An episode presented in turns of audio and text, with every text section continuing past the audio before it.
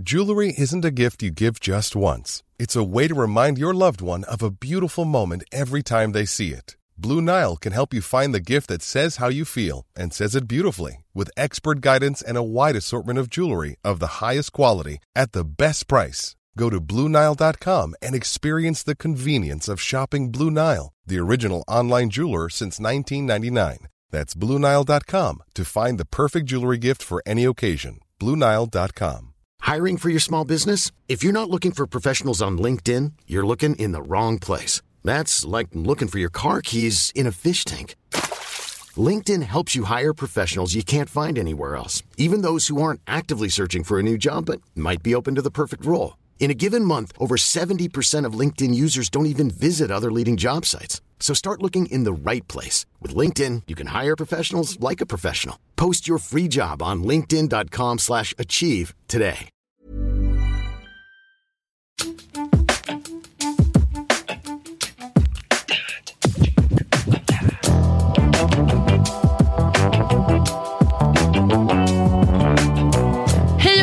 Till Britta och Parisas podd. Detta är avsnitt 53. Varje vecka levererar vi de viktigaste snackisarna, de bästa och sämsta filmerna och så vidare.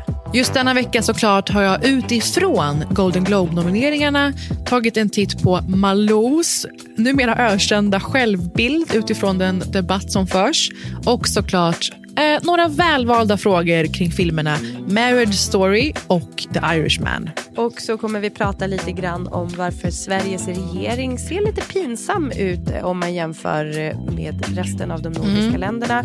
Och sen så kommer jag tipsa om ett absolut måste nu inför ledigheter, en bok som ni måste läsa. Välkomna!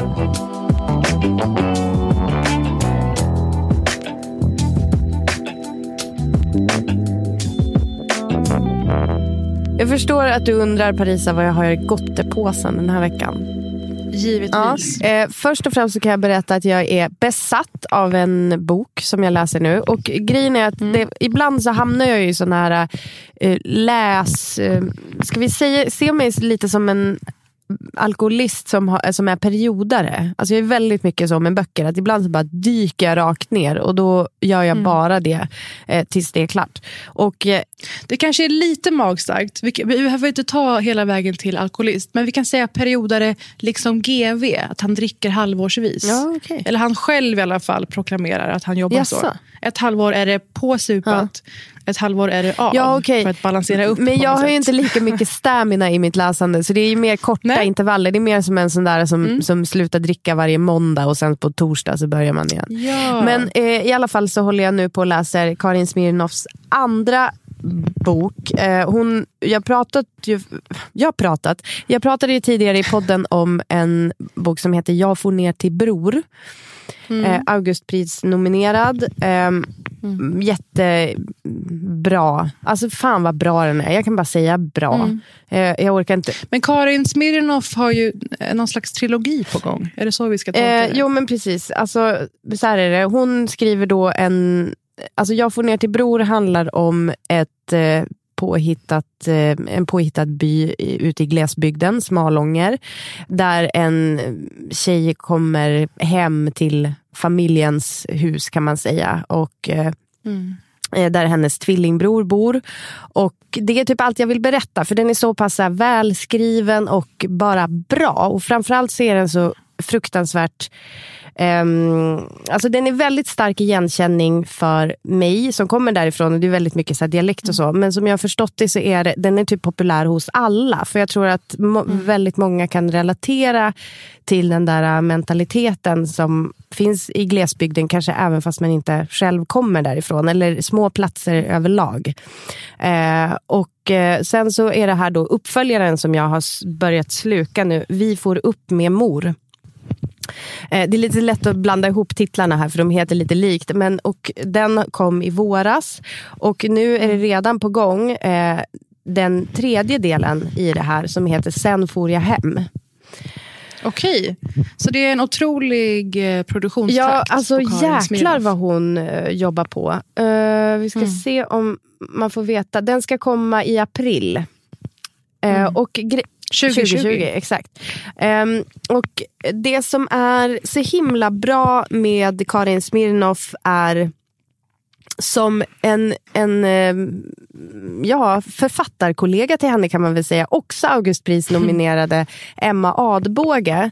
Eh, och jag började snacka om det här för jag la upp några citat på www eh, på stories. Och då eh, så sa Emma Adbåge att det som är så bra med Karin Smirnoff är att hon eh, underskattar inte läsaren. Förstår du mm. vad hon menar med det?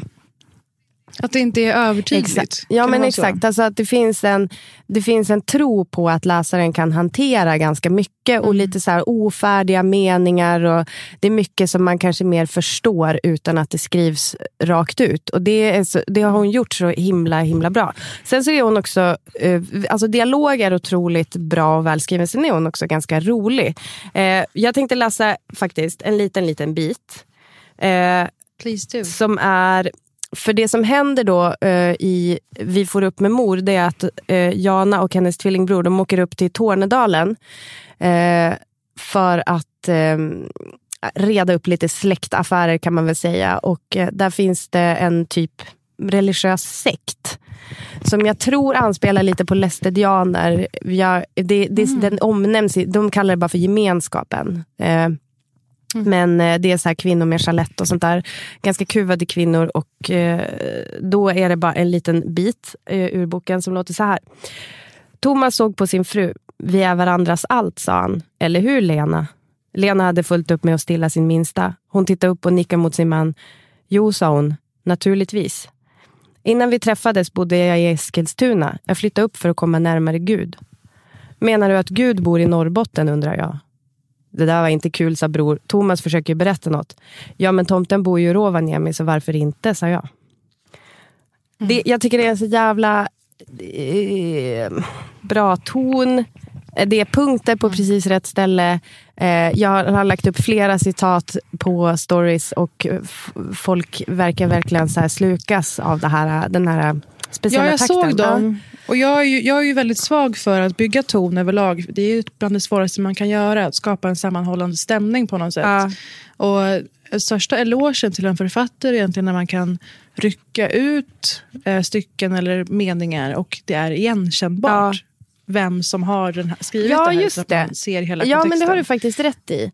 Att mm. det är så pass eh, starkt liksom, i sin, även bara i små, små stycken. Jag måste läsa det här om hennes mamma också. Ja. Brukade, allt det här är skrivet med punkt, inga frågetecken. Brukade vi kramas? Satt jag i hennes knä? Lutade jag mig mot hennes bröst och hörde hjärtat slå under rovellsklänningen strök hon mig över håret och sa saker. Alltså jag började typ mm. lipa nästan fast det knappt är sorgligt. Ja. ja men det är ju det där kärva. Um, det är väldigt...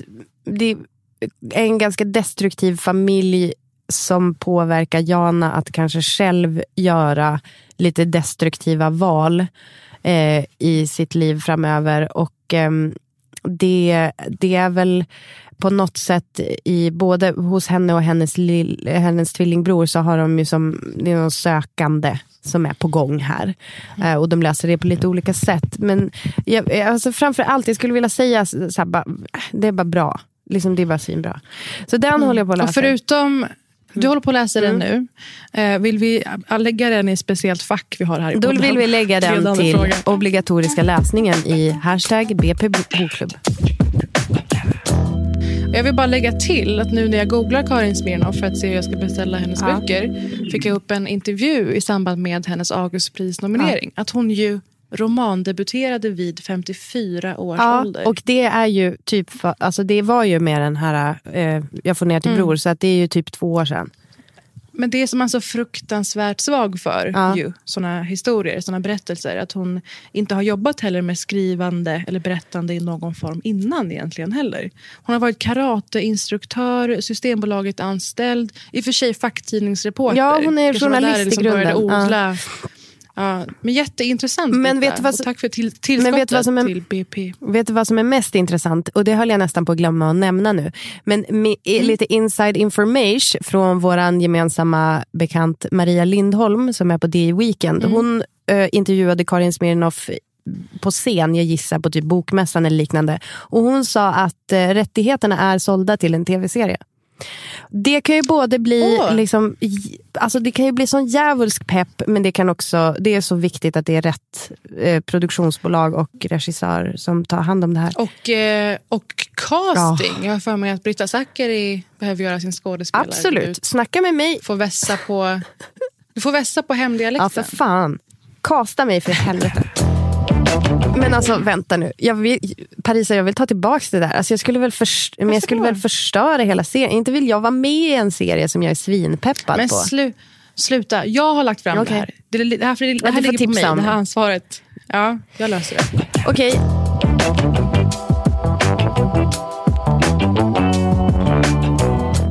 Nästa grej i gottepåsen, Parisa. Ja. I och med att Sanna Marin, Marin 34 år gammal, det. har blivit vald till Finlands nya statsminister. Så, Mm. så leds Finland numera av, helt av kvinnor. Fem stycken. Fyra av dem, Ja. fyra av dem är under 40. Men det är otroligt. Det är faktiskt helt otroligt. Men alltså, får jag säga en Ja, det sak får om du det här? Jag vet att du är på väg dit nu. Men jag hörde om det här på, jag hade på Nyhetsmorgon här i morse. Mm. Va? Och så var det TV4-nyheterna och de eh, proklamerar då att det nu bara är Sverige i Norden som inte just nu har en kvinnlig statschef. Och de, de misslyckades med att poängtera att Sverige är också det enda landet som aldrig haft en kvinnlig statschef. Ja.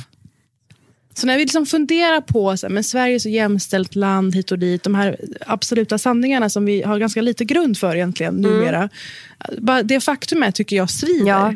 Det är ganska genant. Det är faktiskt det, det är sant. Och jag pratade med en vän till mig som får vara anonym eftersom hon på sätt och vis kanske har att göra med mycket politiker i sitt jobb.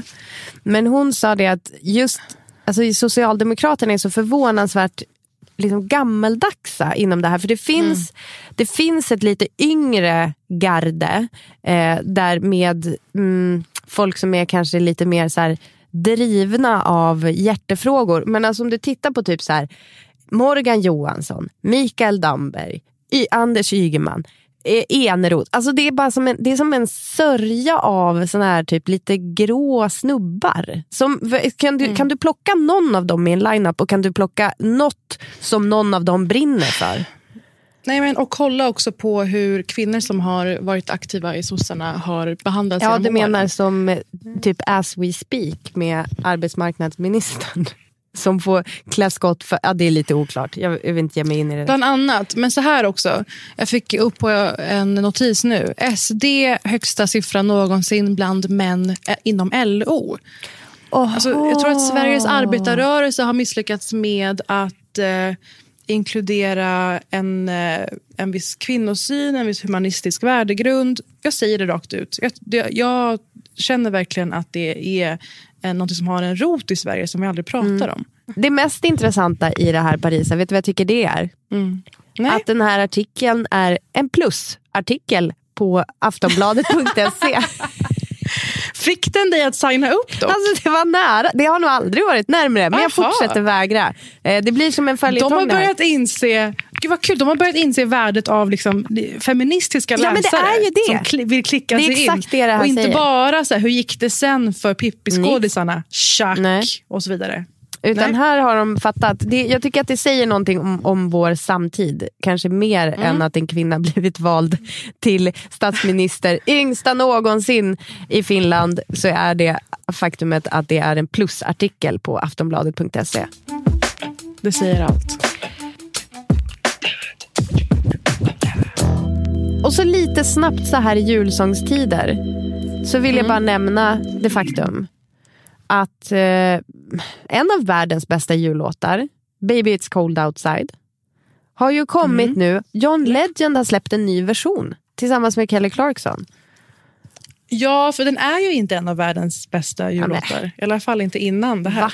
Eller? Nej, men, jo, jag, Du har väl hängt med Nej, men alltså, jag, gud, nu förutsätter jag kanske att... Nu, nu gör jag sådär som Karin Smirnoff gör, att jag eh, tror ganska Ja. högt om lyssnarna. Nej, men jag tänker att ni alla vet varför den inte är så bra. Det är för att den har en, en, en lite rapey text. Lite eh, date rape-stämning. Eh, kvinnonarrativet vi försöker hela tiden gå hem och han håller på att att hitta så här anledningar att eh, eh, hålla henne kvar. Men det här är ju ännu ett steg i John Legends fortsatta så här, female ally-tillvaro. Han är väl en av de... Han är väl, så helt otroligt. Att vara gift med Chrissy Teigen. Han, är ihop, han måste vara den enda mannen som har gift sig med en... Hon var ju det när de gifte sig, så jag säger det för att det är relevant. En Sports Illustrated-modell. Och ändå hålls till en sån otrolig standard. Förstår du? Nu är ju hon en sanningssägare av rang. Jag Verkligen. av Ja, jag vet. Det vet alla. Eh, Men vid, det, vid den tiden var hon ju det. De träffades på en musikvideoinspelning där han ju uppenbarligen blev ihop med modellen som var där för att spela det här, hans ja, det här kände inte jag till. Så det är ju en liksom workplace-relaterad grej, men att det var såklart med samtycke. Ja. Och han har ju sen dess, alltså han är ju jätteaktiv, inte bara frågor om rasism utan feminism. Den enda som är ute och säger ifrån kring saker som hans eh, branschkollegor håller käften om. Vi gillar Ja, vi honom. gillar John Legend. Oh,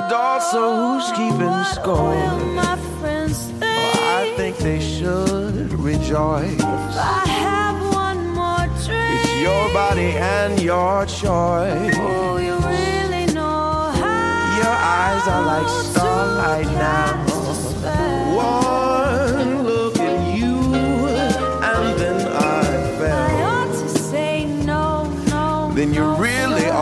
go, go, go. At least I'm.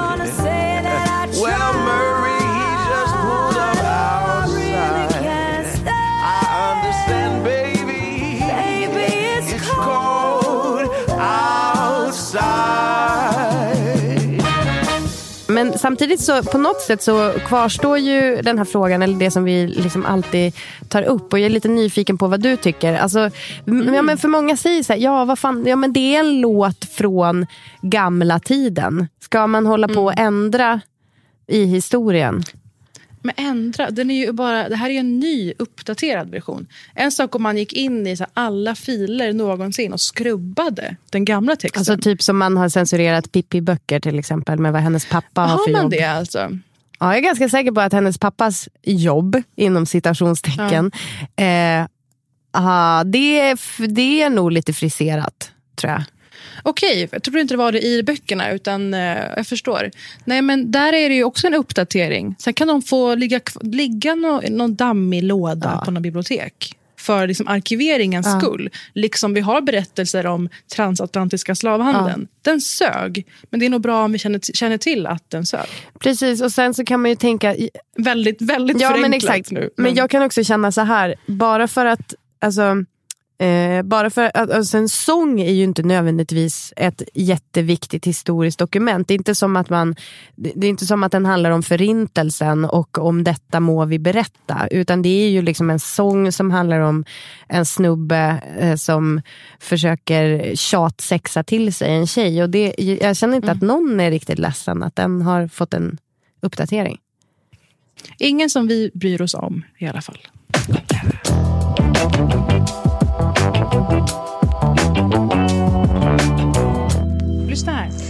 Hi guys, I'm just waking up and I just heard uh, that um, I got nominated for Best Supporting Actress for a Golden Globe. Oh my God, it's been 20 years since I was nominated for Selena. I just want to thank the Hollywood Foreign Press Association for this incredible honor.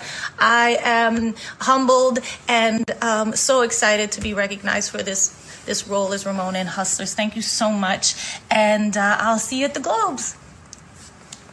Det vi hörde där var alltså en eh, grovt filtrerad video på Jennifer Lopez Instagram-sida där hon ju annonsar och kommenterar att hon har fått en Golden Globe-nominering för Ramona i Hustlers. Mm, som du trodde. Som jag trodde! Och Ja. vet du vad det här innar? Att det här har hänt. Att du, det, ditt ego växte. Det är dags för mig att börja leva igen. Det är fucking award season! Wow, wow, wow! Alltså, det viktigaste i mitt liv. För någon annan kanske det är sommar, eller barna, Jag vet inte vad ni har för er. Men det här är början på award season och det börjar med Golden Globes och sen är det raskt vidare till Oscarsgalan. Eh, sen är jag väldigt, redan ganska less på J Los eh, otroligt underdåniga stil i de här olika samtalen kring Ramona. Vadå då? Förstår du vad jag menar? Nej, vadå? Men hon är så eh, otroligt tacksam. Otroligt eh, liten inför Men hon det är här still Jenny from the block. Nej, men jag tror att det är för Hon att bara, hon, oh ses... god. Hon känner sig själv som en, eh, som en, ja, men en kommersiell eh, liksom, eh, ful status på J Lo. Och jag som sagt pratade om hennes roll i Hustlers och varför den är, kommer vara en stark eh, bidragande faktor i hela award season i några avsnitt sen. Men det här leder oss till alla andra Golden Globes-nomineringar. Jag ska dra igenom ett litet, litet gäng, vad som sticker ut. Men det här, Det här har är du sett. jättekul. Nej, jag har inte sett det. Det är det som är så kul. Så Kul. då kommer du få min äkta reaktion Ja. på exakt allt. Men, eh, och I detta tänkte jag ta upp eh, två av de kanske mest framstående verken som har haft premiär nu i veckorna. Bland annat eh, Marriage Story och eh, såklart The Irishman. Och ehm, en debatt som har försiggått i Sverige senaste veckan. Så det har du att se fram emot.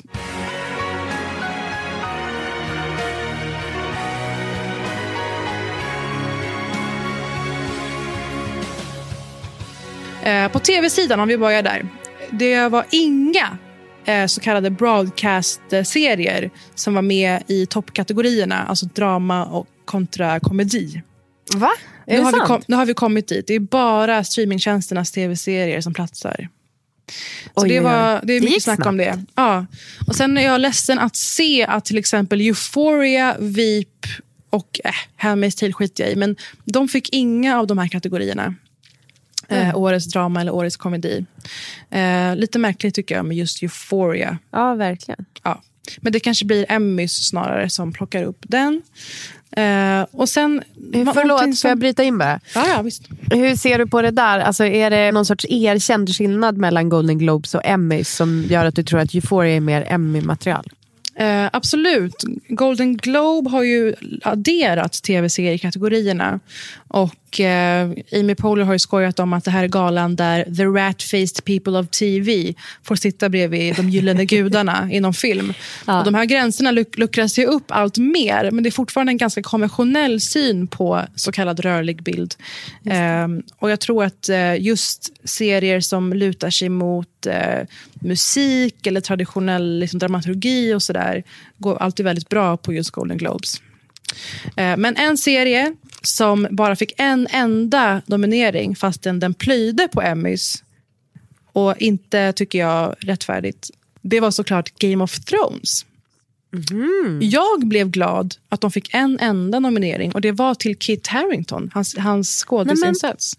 Jon Snow. Och det säger ju allt om eh, den sista säsongen. Det kanske behövde den här extra tiden för juryn att inse att så nej, men den håller inte. Nej.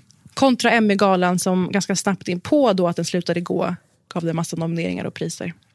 Så det, det gladde lilla mig. Sen som väntat i tv-dramakategorin så hittade vi typ Big Little Lies, The Crown, eh, Killing Eve, Morning Show, Apples första nominering med andra ord. Oho. Och såklart Vad- Succession. Oh. Va, vad sa du, vilken kategori är de nominerade i? Eller sa du bara generellt nu? Att Nej, det är- här var bästa drama. Jag, Åh, jag tar bara de övergripande. Och Sen på bästa komedi så hittar vi såklart eh, eh, Barry, Kominsky, Politician, som vi har lagt mycket tid på här i höst. Verkligen. Och våra favoriter, Fleabag och Marvelous Mrs Maisel. Så det är Fleabags första eh, Golden Globe-nominering. Otroligt kul. Och, Men otroligt sista. väntat då, givet hur det gick Ja, på Emmy-galan.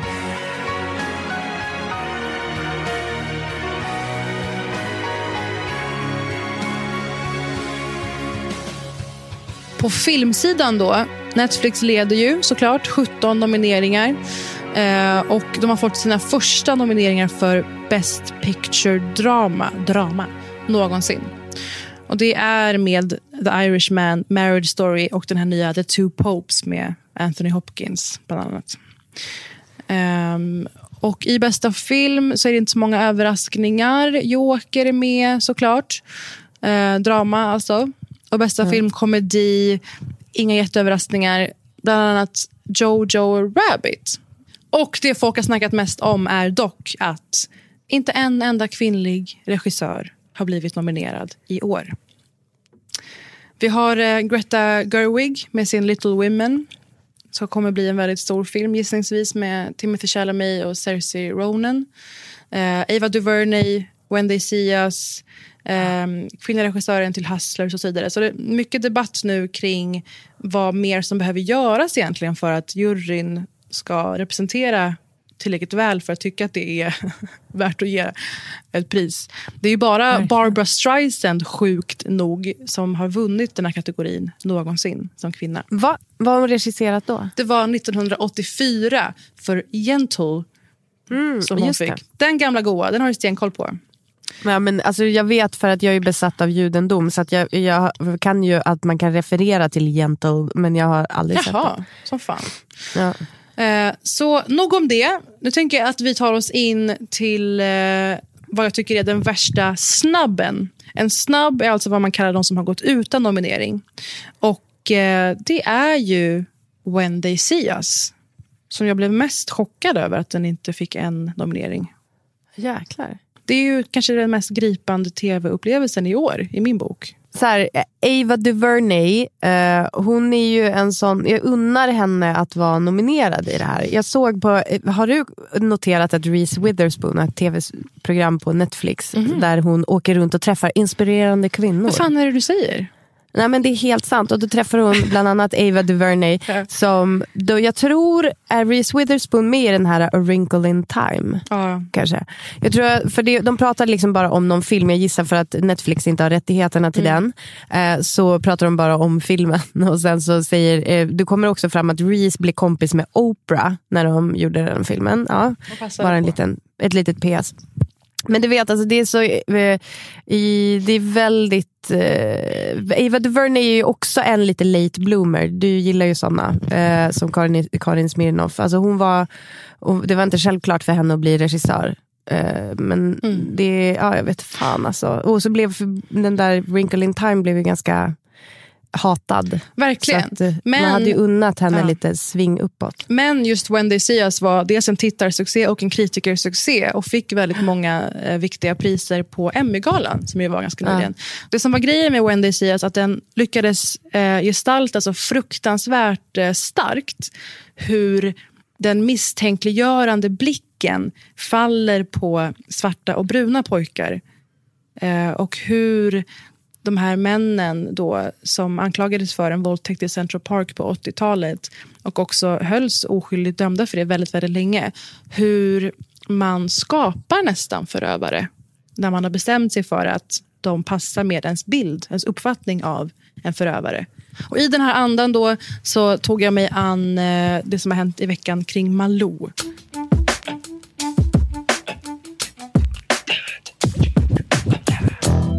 Malou har bjudit in olika rappare över tid och en av dem är eh, en kille som heter Einar. Han heter egentligen Nils. Han eh, dök upp där och fick prata om sina texter. Han sitter där med sin mamma eh, som Malou väldigt tydligt markerar har vunnit en Guldbagge. Jaha, vad, är det för, vad har hon vunnit den för? Ingen aning. Uppfostran av barn. Guldbaggevinnare får man säga. Ja. Einars texter, vi får höra hur de handlar om saker som våld och narkotika. Eh, underrubriken till klippet är Tokhyllade artisten Einar, streck, mamma har fått stå ut med mycket. På ett ganska hö höigt, busigt sätt. Du säger att du har tagit ur, har du det? Ja, jag, jag, jag tog mig liksom, jag hade inte ens hamnat liksom fullt där liksom. Jag hade inte, jag kanske var på väg lite hit och dit men jag visste ändå att musiken skulle komma förr eller senare och nu kom den nu.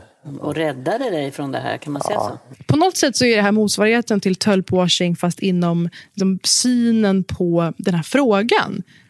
Eh, att romantisera kriminalitet eller sådär. Det är inte tal om det här utan det är att han har varit lite busig och haft lite, varit inne på lite fel vägar på något sätt. Och, Lite pojkstreck helt enkelt. Pojkstreck, där har vi det. Och Detta blir då tydligare med den intervjun som folk har varit mest eh, kritiska mot när Greek Asso var med här i veckan. Och eh, Det är alltså en eh, pojke med lite mer mörkt hår. Va? och eh, ingen vit förälder som sitter bredvid i soffan hos Malou. Och där är underrubriken Grikazo om sina grova låttexter. Citat, det är ju det som är inne nu. Så av det kan man tänka att han sitter där och proklamerar att men vadå, jag, måste, jag gör ju det här för streamsen. Jag skiter i om ungdomar går och säljer knark och skjuter varandra för, på grund av mina texter. Det är ju absolut inte det som sker i intervjun. Utan Grikazo, för att vara en sån ung person, tonåring, reflekterar väldigt, väldigt mycket över våldet och narkotikans plats i Sverige just nu, mer än de flesta. Eh, men varför behöver han ens sitta och prata om det här? Tänker man dels. Kritiken har varit, skulle inte han få prata om sin musik? Och Britta, jag har kollat på båda, hela intervjuerna nu. Jag vill inte kolla bara på det som folk sprider på nätet och få min uppfattning därifrån. Och lite grejer här vill visa dig. Um, I pratet om detta, han fick ju prata om sin musik. Men i form av att allsmäktiga Malou ska kliva in som creative director och styra om lite. Jaha. För, för jag tänker, så här, skulle det vara helt okult att göra tvärtom? Att skriva texter där man liksom tar avstånd från såna här grejer och pekar på ljuset, hoppet, för det är mycket mörker i de här texterna. Ja, uh, det är det men det är det som är inne just nu i alla fall. Mm. Om jag skulle släppa en låt på att, alltså, där jag tar avstånd från sånt, det är inte inne, det är inte min grej heller. Så du skulle inte alltså. vilja skriva en eh, text med mig? Alltså vi skulle ju jättegärna kunna skriva en text. Ja, men om kärlek vi... eller om någonting liksom positivt. Det finns en väg ah. ut. Ja, nej, nej, det är alltid bra att göra så här låtar för vägar ut och sånt. Mm. Men... Hur uppfattar du eh, Malous bild på situationen här? Det hon eh, föreslår. Alltså jag tycker att det är härligt att Malou tänker att en, eh, ska vi se, va, va är, hur gammal är hon? Hon är över 50 i alla fall. Eh, kvinna i den åldern ska gå in och eh, liksom vara medförfattare i hans musik. Mm. Det tycker jag det var grovt. Ja, för man tänker ju på det här gamla citatet. Carry yourself with the confidence of a mediocre white man. Fast Malou. Framväxer ja, en bild av Malous exakt. oslagbara självförtroende. Som en A&R på ett skivbolag, rent av. Ehm, och eh, även här så är den här Greek Asso så otroligt, han orkar hantera den här situationen. Och förklara... Alltså han har sånt, alltså det som borde få en Guldbagge mm. här, det är ju hans eh, enorma eh, spel, alltså när han tar den här situationen. Och som, som ett proffs. Alltså ja. Stefan Löfvens utskällda agendaintervju. Han borde ta kurser från Gikasso. Han är så... Eh, han reflekterar över allt och han förklarar väldigt väl att men det här är det som pågår. Jag skildrar ju bara det som pågår. Eh, och är väldigt eh, duktig i att eh, tycker jag, bolla vidare den här frågan från Malou. Och så fortsätter det så här. En fråga som lamslår då, myndigheter, politiker och så känner redaktionen på Malou, men vi har det mest effektiva sättet att få bot på problemet. En ung kille som har varit verksam här i fyra månader inom bara musik, alltså exakt noll i offentliga samtalet. Han ska få axla detta. För eh, TV4 missar ju aldrig en chans till cross promotion som du vet. Man kollar på Nyhetsmorgon och så görs, görs det reklam för de andra programmen. Ett evigt kretslopp. Så vill du gissa vilken annan TV4-programledare de tar till för att dubbla på arsenalen mot denna tonåring? Vilken auktoritet i samhällsfrågor som kliver in i studion? Nej, men jag vet det redan, men grejen är att men Parisa, jag hade inte kunnat hitta på eh, det här. För det hade, varit för, det hade verkat för overkligt. Alltså de människor som de nu kastar in, det är så här, det är, alltså det, det är vansinne. Alltså man, jag bara ser framför mig hur de har suttit där på redaktionen och bara, kan vi göra så här? Vi gör det, vi gör det. Åh, oh, herregud. In kliver arga snickaren, Anders Övergård. TV, TV4 har helt förväxlat en hel struktur av utanförskap och social utsatthet och kriminalitet med en fuskbyggd sommarstuga. Men min fråga till dig är egentligen, vad tycker du om kriminaliteten? Vad tycker du om att 15-åringarna går runt med vapen i händerna? Nej, men det är, ju, det, det är absolut inget bra. Nej. Nej, det är ingenting bra. Det, det, det kan jag hålla med om. Men mm.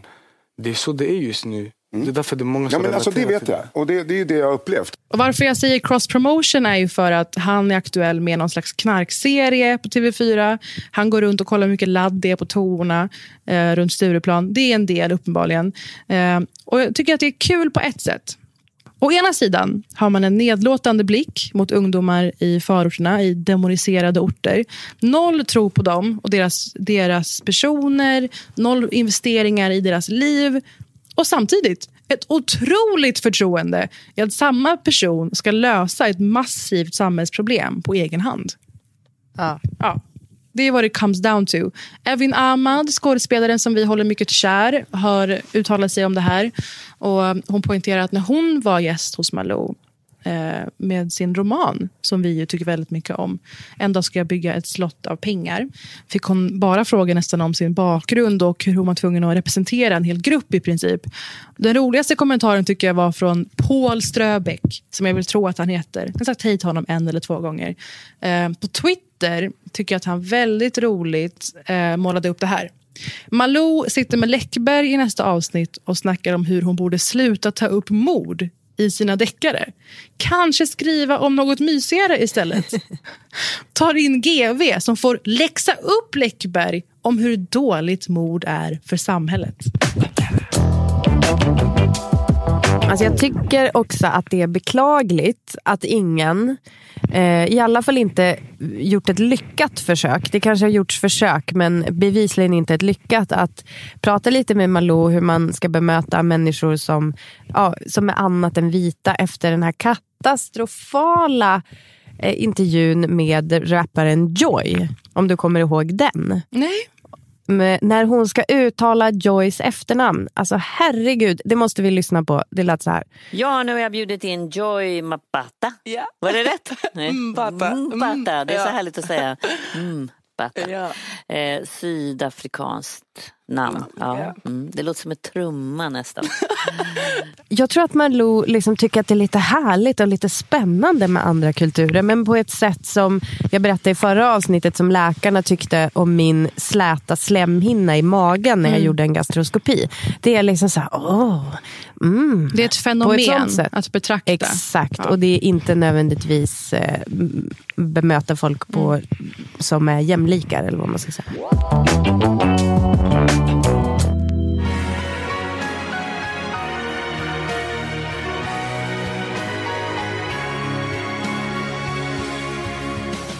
Eh, Filmen som leder nomineringarna i Golden Globes är ju Marriage Story.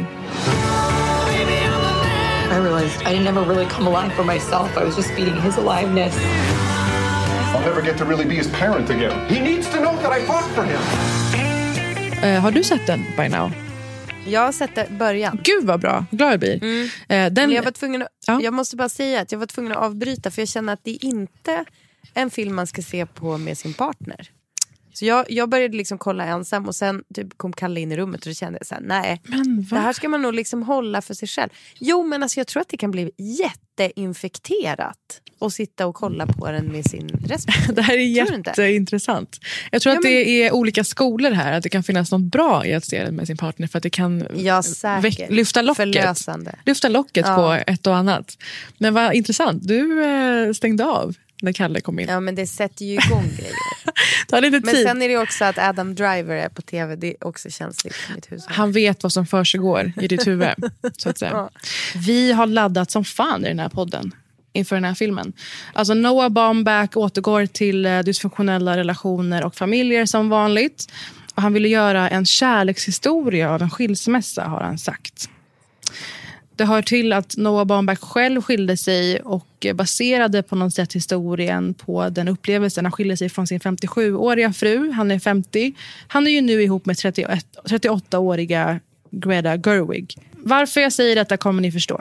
Det har varit så mycket tramsigt om gud, vad man gråter till den här filmen. Eh, Jag tycker att det är ointressant. Eh, Och jag tycker att filmen var inte Vänta, alls så Vänta, varför tycker, du, varför tycker du ointressant om man gråter? Vad är det för platt person? Alltså, det är inte det enda man kan säga. Jag tycker inte det här var en i sig deppig film, menar jag. Jag tycker det finns så mycket mer i den här. De är väldigt bra på att visa upp eh, det, skaviga i var och en av de här personerna och deras relation och deras tillvaro. Och jag tycker att det finns ett par scener som är lysande. De har ett, ett breakthrough-bråk i ett hotellrum där de säger allt de alltid har velat säga om varandra när du vet, man inte har någonting att förlora längre på att vara så där brutalt ärlig. Jag kommer göra så här, jag kommer utgå från två frågor som jag kommer absolut inte få svar på, men jag tänkte utgå från två frågor. Och, eh, för det, det är så mycket som jag än eh, tycker om sekvenser, stunder, ögonblick i den här filmen, stämningar, så är filmen som helhet inte så bra som den hade kunnat vara. Fråga nummer ett. Hur gick det här då, Scarlett? Hur, alltså, varför utsätter sig Scarlett Johansson för att spela mot Adam Driver i en sån här film? Av det du såg, vad hann du, uppfa- hann du uppfatta av skådespeleri till exempel? Jag får liksom känslan av att, att hon typ fular till sig lite grann. Gör en seriös roll. Är du med på vad jag menar då? Alltså den här Hundra. klassikern. Ja, som många, för att hon har, alltså många skådisar gör det här eh, liksom någon gång i sin karriär. Och ehm, det är väl fine men jag, jag, jag fattar liksom inte för varför det är så himla... Alltså hon har så fruktansvärd styling och jag tycker ändå att det är något och han har också det. Eh, och jag vet inte om det är något som Noah Baumbach Mm. liksom har gjort medvetet men de har så fruktansvärt ful styling båda Mm. två. Och så säger de, det är som scenen, ehm, filmen öppnar ju eh, med några scener där de berättar vad de älskar med varandra. Mm. Och då säger hon att han, är så här, att han klär sig så snyggt. Man bara, alltså han hade en, så illa sittande skjorta alldeles nyss. Så att det liksom helt, jo, jo. Ja, det kanske blir bättre, inte vet jag. Men, men eh, det, jag vet inte, Det här- det är någonting med det där. Att det känns som att så här, hon ska Ja. spela en seriös roll. Mm. Och då är det mm, oförklarlig Liksom, jag, vet, jag vet inte, jag, jag sitter med det i alla Mm. fall och tänker varför är det så här? Så här tror Och Det jag. är inte så, det är inte så att jag menar Ja. att hon måste vara ett pretty face. Utan det är bara så här, det är konst, alltså det är konstigt. Det är, så, det är så alldagligt att det är konstigt. Förstår du vad jag menar då? Ja, men jag tror att No- Noah Baumbach kämpar med att göra två gigantiska filmstjärnor vardagliga. Alltså, alltså jag, tror att, Ja. jag tror att lite av stylingen är just det. Sen tycker jag att Ja. Adam Driver kan aldrig vara ful. Och, eh, det, någon måste säga det. Och just nu är det bara du och jag som är i en konversation. Du är ju gift med en man som klär sig i cowboystil. Den ska vi bara Alltså- lägga in här. Som en Ja, ja, men- preferensförklaring. Jo, jo, men alltså det gör han jävligt bra. Adam Driver i det här, det ska sägas objektivt. Nej, men. Ja. nej, men det är så här, jag är liksom förbannad på det här för jag tycker det tar för mycket fokus. Okej. Att det är så här, man bara varför, varför har hon varför har de gjort så här? Jag, jag blir, du märker att jag är typ upprörd. Men det kanske säger mer, alltså absolut säger mer om mig än om Nej, men jag tror att alla tänker på det här. Jag tror att just med ehm, Scarlett Johansson, det har ju hänt väldigt mycket där så att säga. Mm. Jag kan gå in på detaljer. I och med att det är, det är bara vi som pratar nu, eller hör det här. Nej. Så här är det. Eh, Scarlett är med i känslosamma monologer i närbild. Hon har klippt till sig en bekväm, liten kort eh, frisyr. Och eh, det har ju hänt någonting på överkroppen också. Jag vet inte hur mycket jag ska behöva säga det rakt ut, men ungefär runt, det har tagits ut någonting gissningsvis som har legat där mitt på överkroppen. Va? Och det är ju ofta, det är en spekulation. Det så här kan jag säga, jag citerar bara en spekulation som pågår i Ja. tidningar. Och Ja. så här, eh, hon, har ju, hon har ju utmärkt sig tidigare att vara liksom ett, nästan ett sexuellt väsen och det tror jag blir tröttsamt till slut. Och jag tror Mm. att som en coping method, en egen, ett eget sätt att få, tolka, alltså få ha flerdimensionella roller och vara en flerdimensionell person, inte bara göra såna här äh, Avengers-roller, är att hon gjorde sig av med egna eller fabricerade liksom, eh, byst, bystsaker. Kort sagt. Eh, och Det här är ju en vanlig sak när man vill, just som du säger, sorgligt nog, tas på an- allvar på ett annat sätt. Eh, Scarlett har ju aldrig fått en Golden Globe eller en Oscar. Eh, och då åker kniven fram tydligen. Eh, Men vad fan. Var, Ja, men jag tycker att det är sorgligt. Jag tycker det är sjukt att man sorgligt. inte kan, men bara ha bara en lite taskig bh istället. Nej, men jag, tycker, jag fattar henne dock. Alltså, förstår jag menar? Jag fattar det som en coping method. Att hon Ja, jag fattar. Jag också fattar gör den här det. Och rollen. Det är, ju, Mm. och det är såklart superstörigt att jag sitter här, men jag snackar Nej, liksom nej, jag- jag håller om med. hennes så här plutiga mun Ja. och sådär. Utan jag menar bara att det är någonting i, i the fashion Ja. som bara känns så här, vilka ska de ens vara? För att de ska ändå föreställa Mm. typ ett ganska framgångsrikt par i New York. Jag köper inte ens Mm. det. Alltså förstår du, jag blir, jag blir så här provocerade, provocerad av hur de, lite New York Mm. de känns. Men så här. Men ja, ehm, det kanske. I deras dynamik, maktdynamiken i deras relation, det utvecklas ju väldigt mycket och det utgår från just det du säger. Så här. ehm, men Scarlett Johanssons skådespeleri, det har vi varit inne på förr, det är inte särskilt rymligt. Så, Nej. så fort hon ska gestalta något tillstånd, någon känsla som ligger mellan gallskrik eller gapskratt, så brister det totalt. Och Ja, hon kan ju vara trulig. Kan hon vara. man, man kan Eh. inte kolla på de här scenerna utan att känna irritation och att man bär hennes obehag. Man bär hennes eh, ansträngning. Det tycker jag är Alltså sorgligt. hennes, inte hennes obehag i äktenskapet utan hennes obehag när hon spelar den där rollen. Ja, det, det skaver. Ah, Det ska bli kul att se henne i Jojo Rabbit och hur hon gör sig där. Men när jag säger det med utsätta sig, Adam Driver är, ju, en, är ju kanske den mest lysande skådis vi har just nu. Och det har hänt på bara fyra, fem år. Att han har Okej, fått de här rollerna. säga- Men får jag säga då, bara för att ta ner honom lite Mm. också då. Nej, men jag, alltså han är ju väldigt eh, skådespelarskådis. Ja. Eh, tvära kast. Eh, sådär. Mm. Han är ju liksom väldigt så här animerad med ja, ja. Jo, Alltså det, men det är också en konst. Och hålla på jag fattar det. Mm. Han är, han, Du kommer se, det finns några scener där han verkligen är det lilla skådespeleriets leading man också. Ehm, och just de här uh, känslosvängningarna kommer du få se väldigt, väldigt, väldigt, väldigt mycket mer av. När det, kommer, Ja, när, det blir, förstår när det eskalerar. Men det är synd du- med Scarlett. Men Men du, får jag bara fråga då. Varför tror du, för hon, nu kollar jag, hon är ju ändå nominerad för Mm. eh, till en Golden Globe. Va, hur tror du det kommer sig? Är det bara Alltså, för politik? Hon har varit nominerad förut och sett till andra filmer så gör hon ju en okej insats. Jämfört med Adam Driver, ja.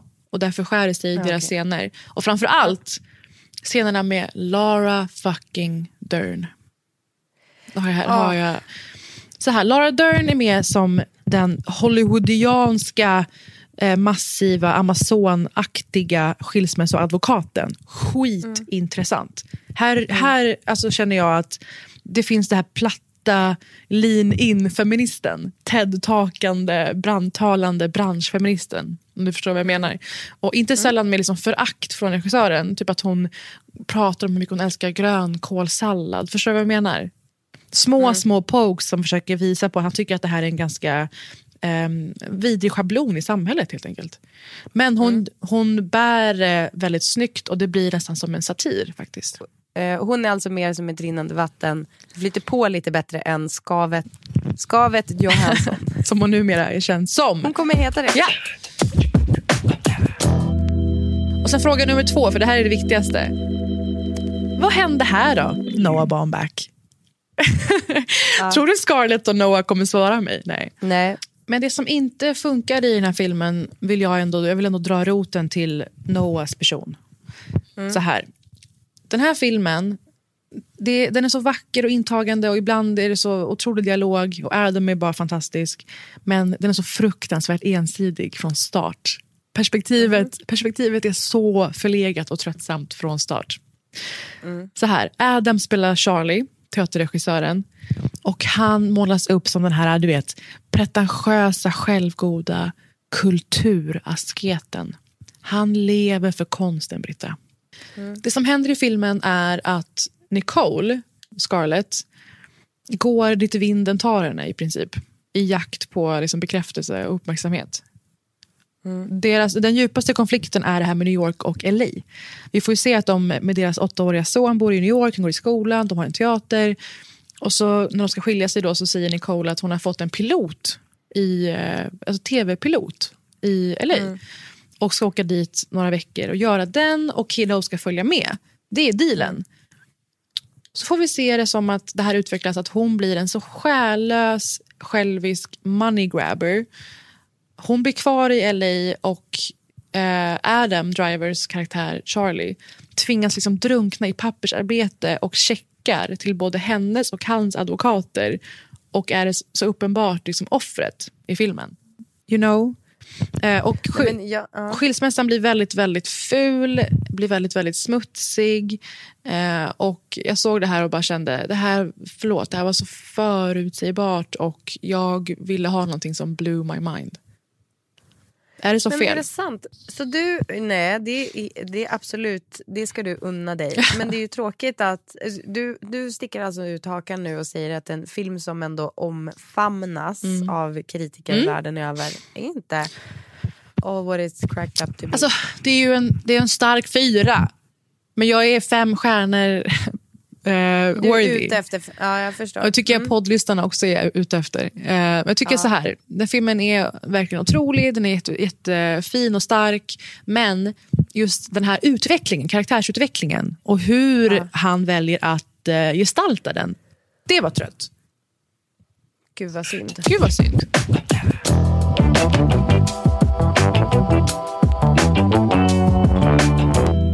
Och så har vi såklart Martin Scorseses eh, 25 otroligt påkostade film The Irishman. I know I wasn't a good dad. I know that. I know that. I was just trying to, to protect all yous. From what? You didn't see what I see, what I've been through. I know things they don't know I know. Så här. Det här. Jag hade otroliga förväntningar på den här filmen. Det kanske du har känt. Den har också Jag har väldigt, pratat om det. Ja, den har också fått fem nomineringar i Golden Globe. ska vi säga. Eh, Mm. Så detta år fick alltså Netflix tre filmer i bästa filmdrama. När de inte har haft någon förut i den kategorin. Så och det, den tredje var... den tredje är The Two Popes med Anthony Hopkins. Mm. Eh, så det är ett otroligt år på så sätt. Men jag har varit så sugen på den här filmen ändå. På grund av Scorsese, De Niro, Al Pacino, Pesci. Alltså jag gillar ju den här sortens maffiga episka filmer. Um, och det här är vad den här filmen är. Det här är en konventionell, icke uppseendeväckande historia i tre faser. Framför allt kring eh, facket och maffiamannen eh, Jimmy Hoffa. Um, Jimmy Hoffa var en man som var lika känd som Kennedy, säger man på den tiden. Och ledde facket. Han var liksom arbetarnas man, men levde ändå i ett överflöd. Och eh, Det framkom sen i hans liv att han hade väldigt märkliga ties till maffian. Eh, och han försvann också. Eh, och Det här adderas till någon slags mytbildning kring det försvinnandet. Det känns som att eh, Scorsese nästan ville göra en Tarantino, en slags historisk tillbakablick på en känd historia.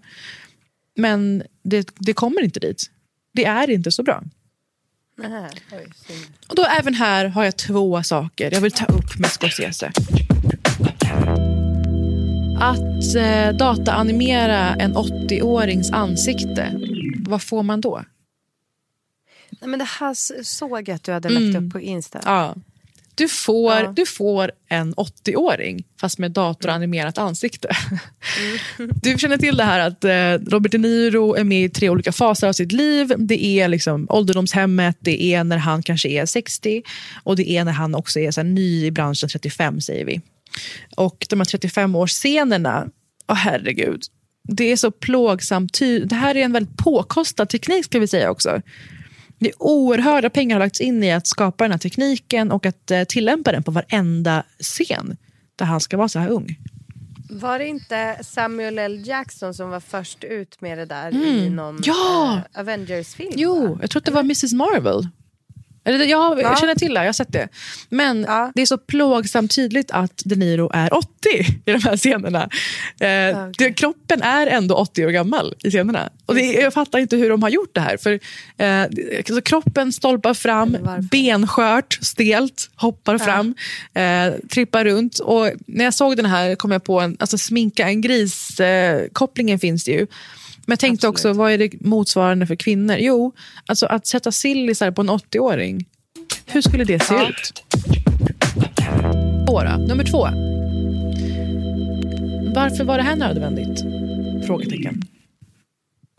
Alltså, jag vill, att det här Hela skulle, filmen. jag vill att det här skulle vara mina två största filmupplevelser i livet. De här två filmerna.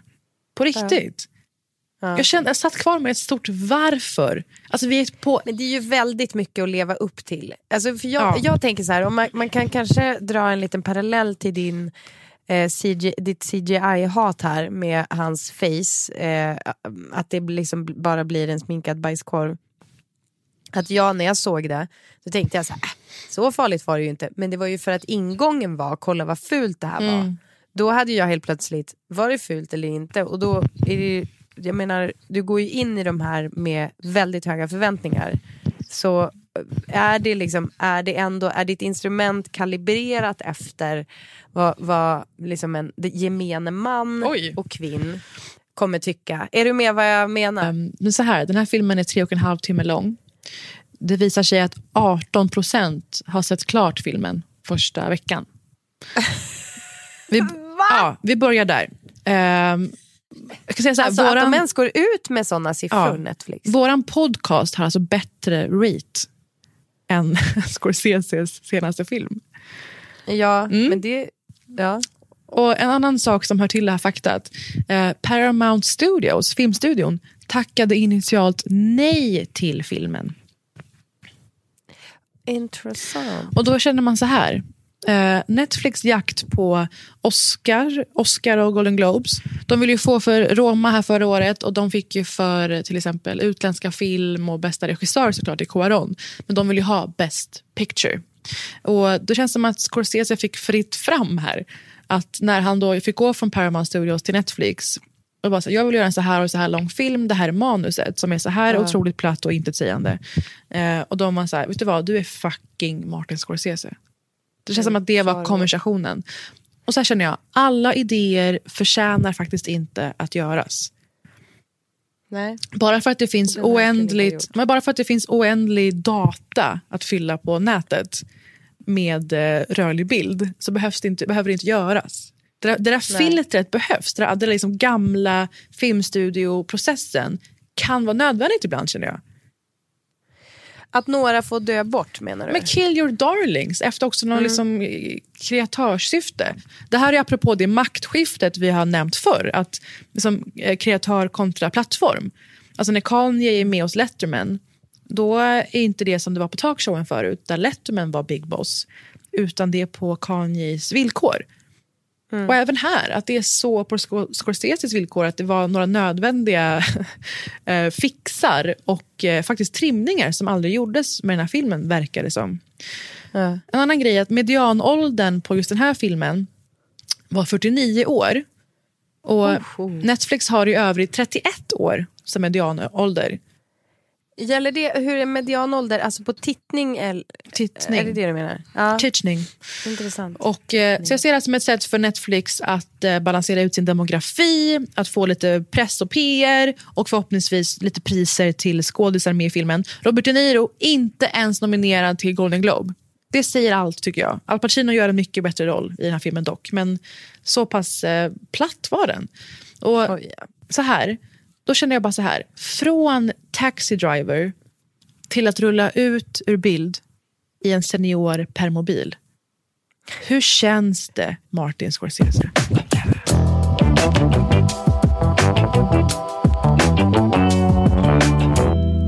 Tusen tack för att ni lyssnar även den här veckan. Vi är superglada för det. Ett år Eh, gammal så podd. Ja! Woo! Puss så mycket. Ha det så bra. Adjö. Vi hörs nästa vecka.